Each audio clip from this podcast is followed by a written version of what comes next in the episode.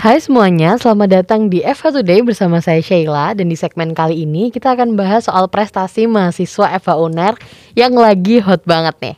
Nah hari ini kita udah kedatangan Dani yaitu delegasi dari Nalsar UNHCR IMCC 2022 yang berhasil meraih top 11 dari total 64 tim di international rounds. Selain itu juga meraih the 12 and the 36 best list dan juga the 7 best researcher. Ini mungkin bisa kenalan dulu dan juga mention nih teman-teman yang belum bisa hadir sama kita hari ini. Oke, okay, thank you Kak We. Halo, uh, aku Rahmadani Rahman, bisa dipanggil Dani. Uh, aku head delegates dari uh, delegasi Nalsar UNHCR ya, IMCC tahun ini. Uh, lalu selain aku ada Tanaya Anjafala, itu sebagai oralis di tim kami. Lalu ada juga uh, Yasmin sebagai researcher pada tim tahun ini. Oke, jadi satu tim ini tiga orang ya totalnya. Iya benar kau ya. Tiga orang itu sudah termasuk dari researchernya juga. Ini ada kayak observer gitu nggak sih? Biasanya kan IMCC ada untuk observernya juga ya. Uh, untuk perlombaan ini enggak, jadi timnya maksimal uh, itu tiga orang. Tiga orang gitu. Oke, nah ini pasti teman-teman yang lagi dengerin kita di sini juga udah nggak sabar gitu, pengen tahu keseruan dan juga keberhasilan kamu dan teman-teman yang lain untuk meraih prestasi ini. Jadi kita langsung aja nih kepoin Dani. Nah yang pertama aku pengen tahu nih sebenarnya lomba Nalsar UNHCR IMCC ini lomba apa sih? Oke jadi uh, kompetisi Nalsar UNHCR Public International Law ini itu adalah kompetisi moot court atau peradilan semu internasional mm. yang di dalamnya kita membahas tentang isu-isu terkait international refugee law. Nah uh, ada empat isu utama yang menjadi pembahasan utama dalam kompetisi ini. Yang pertama itu adalah tentang violations of human rights di mm. dalam refugee detention center lalu ada juga isu violations of non-revolvement principle, uh, yaitu suatu asas larangan suatu negara untuk menolak atau mengusir pengungsi kembali ke negara asalnya atau ke suatu wilayah di mana pengungsi tersebut akan berhadapan dengan hal-hal yang dapat mengancam serta membahayakan kehidupannya. Lalu juga uh, ada ini isu yang ketiga yaitu uh, enforcement of illegal immigration control bill mm. that allegedly tidak sesuai dengan uh, ketentuan the 1951 Refugee Conventions dan uh, its protocol. Lalu yang terakhir adalah terkait uh, burden sharing obligations uh, terhadap negara-negara di dalam region tersebut untuk menawarkan protect protection kepada refugee yang mencari suaka. Oke, jadi sebenarnya intinya adalah soal pengungsi ya, ini hukum pengungsi gitu. Iya benar KW, hukum pengungsi internasional. Oke, hukum pengungsi internasional. Nah kalau misalnya dari topiknya tadi kan udah uh, spesifik nih hukum pengungsi internasional. Kira-kira ada bedanya juga nggak sih sama IMCC yang lain? Mungkin secara topik tadi udah beda, terus juga secara tim tadi biasanya kalau IMCC lain ada observer, ini nggak ada, dan cuman maksimal tiga orang. Mungkin ada perbedaan lain lagi? Ya, jadi perbedaan IMCC Nalsar dengan IMCC lainnya itu dapat hmm. dilihat dari berbagai hal. Pertama, uh, tadi udah Kak W sebutkan timnya itu uh, maksimal tiga hmm. dengan peran sebagai uh, dua oralis dan juga satu researcher. Lalu ada juga uh, perbedaan di judicial bodinya. Uh, biasanya kalau misalnya JSAP itu judicial bodinya ICJ, tapi okay, kalau di Nalsar ini judicial bodinya adalah ECHR, uh, yaitu European Courts hmm. of Human Rights gitu. Oke, jadi uh, perbedaannya tadi ada tiga nih ya teman-teman. Yang pertama topiknya tentang pengungsi internasional, terus kemudian timnya yang cuma terdiri dari tiga orang dan nggak ada observer di sini. Dan juga soal uh, tadi body apa tadi? Judicial body. Judicial body. Ini maaf ya emang agak bahasa Inggrisnya agak kurang gitu. Jadi agak harus uh, mentranslate di kepala agak sulit. Nah selanjutnya nih kalau misalnya dari teman-teman tim observer ini kan ada tiga orang tadi Kemarin ini untuk pemilihan sampai jadi ada tiga orang kepilih Naya, Yasmin dan juga Dani.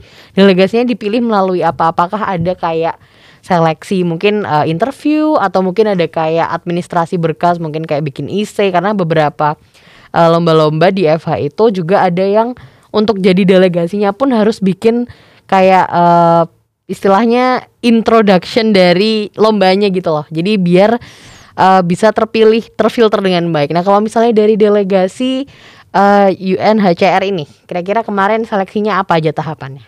Oke, okay, uh, eh, jadi sebenarnya uh, kemarin itu delegasi IMCC Nalsar mm -hmm. itu tidak melalui proses seleksi. Oke. Okay. Jadi langsung ditawarkan dari INCA sendiri atau mm -hmm. uh, International Moot Court Affairs dari uh, uh, BSO ILSA. Dari BSO ILSA. Mm, Oke. Okay uh, ditawarkan uh, kepada orang-orang yang dirasa bisa dan uh, berminat untuk mengikuti kompetisi ini karena uh, pada waktu itu uh, waktu registrasinya mendekati penutupan. Oke. Okay. Jadi uh, tidak mungkin dilakukan uh, suatu seleksi. Hmm, hmm, hmm. Jadi ini ini ya sebenarnya agak dadakan mungkin bisa dibilang. Iya benar dadakan. Agak mendadak dan juga akhirnya dipilihlah uh, dari internal gitu ya, internal iya, dari benar. BSO Ilsa itu sendiri. Cuman nggak menutup kemungkinan nggak sih untuk kira-kira delegasi tahun depan akan buka open recruitment? Mungkin nggak? Tergantung kebijakan tergantung kebijakan dari oh oke okay, oke okay. tapi tetap mungkin ya kalau misalnya ada seleksi atau uh, teman-teman gabung dulu di BSO Ilsa biar juga bisa gabung nih untuk jadi uh, bagian dari tim IMCC dan juga dikirim nih untuk jadi delegasi dari FA Uner. Nah kalau gitu persiapan untuk mengikuti lomba ini, mengikuti lomba IMCC kali ini, kemarin persiapannya apa aja dan juga berapa lama? Mengingat tadi daftarnya aja udah mendekati penutupan gitu. Uh, jadi persiapan yang dibutuhkan sebelum kompetisi ini mungkin hanya uh, terkait berkas-berkas administrasi mm -hmm. untuk registrasi. Lalu untuk kompetisinya sendiri kita memiliki persiapan selama kurang lebih dua bulan untuk memorial rounds dan oral rounds itu sendiri. Mm -hmm. Oke, jadi waktunya dua bulan untuk mempersiapkan sampai istilahnya sampai international roundsnya juga. Iya, jadi kemarin itu uh, Tahap pertama adalah memorial rounds di mana uh -huh. memo kita dikirim ke panitianya lalu diseleksi hmm? dari top 64 tim menjadi 32 tim. Oke. Okay. Lalu setelah kita melewati tahap tersebut barulah kita uh, bisa lanjut ke oral rounds dan hmm. juga mengikuti researcher test. Oke, okay, jadi uh, pertama nah dari 64 ngajuin uh, apa tadi namanya? Memorial. Memorialnya dulu terus kemudian di uh, filter jadi tinggal 32 jadi dipotong setengah ya. Iya. Yeah dipotong setengah terus maju oral round berarti kalian ada pleading juga tuh? Ada. Jadi uh, karena memo kita lolos mm -hmm. kita lanjut ke oral rounds dan juga researcher test. Oke. Nah ini kemarin lombanya online atau offline sih sebenarnya? Uh, kemarin lombanya online. Online. Jadi full uh, zoom gitu ya? Via via aplikasi yeah, untuk daring gitu ya? daring, ya. Oke, okay. ya kalau misalnya mungkin kalau offline bakal lebih seru kali ya karena kan ketemu langsung sama jurinya gitu ya, lebih iya. deg-degan kali ya. Oke, jadi selama waktu dua bulan itu mungkin ada nggak sih hal-hal yang kamu ingat gitu kayak mungkin uh, pas nyusun memorial gitu kayak kebersamaan bonding dan teman-teman dan lain-lain mungkin ada nggak yang bisa dibagi sama kita hari ini? Uh, mungkin kesulitan kami dalam mengikuti kompetisi mm -hmm. yang kemarin itu hanya uh, ini kurangnya familiar delegasi terhadap uh, materi dari perlombaan itu sendiri. Oke. Okay. Karena ini pertama kalinya uh, Ilsa atau mm -hmm. uh, UNER mengikuti perlombaan ini jadi Oh, ini uh, pertama kalinya ya? Iya, jadi okay. belum ada uh, pas uh, pas ini pengalaman sebelumnya. Oh, jadi uh, belum bisa kayak istilahnya tanya alumni gitu belum ada iya, ya? Iya, benar. Oke, jadi uh, dari topik hukum pengungsi internasional ini, kalau boleh tahu nih dari teman-teman bertiga ini, apakah ada yang ngambil minat hukum internasional? Kayaknya nggak ada. Nggak ada ya. Iya. oh jadi ini sebenarnya walaupun nggak ngambil minat hukum internasional pun tetap bisa gitu ya ikut bisa. lomba IMCC ini. Yang penting uh, mau belajar tentu saja. Iya benar. Aku sendiri minat bisnis tapi bukan oh, berarti uh, menutup kemungkinan kalau teman-teman di sini ingin uh, ikut IMCC nggak hmm. harus uh, minat internasional asal mau belajar. Oke, nah ini aku mau tanya lagi dikit nih kan uh, kalau IMCC itu pasti bahasa Inggris gitu kan. Ada nggak sih kesulitan ketika misalnya uh, riset dan segala macam, aduh ini semuanya bahasa Inggris terus kayak puyeng sendiri atau kayak gitu ada nggak sih? Apakah ketika menjadi tim IMCC itu harus ada misalnya minimal TOEFL score sekian kayak gitu? Uh, untuk minimal TOEFL score -hmm. dan uh, EPT atau English Proficient Test lainnya mm -hmm. itu untuk tim IMCC emang nggak ada, tapi uh, akan susah kalau misalnya uh, teman-teman di sini uh, agak kurang di dalam uh, bahasa Inggrisnya mm -hmm. karena uh, sumber materialnya semuanya uh, menggunakan bahasa Inggris.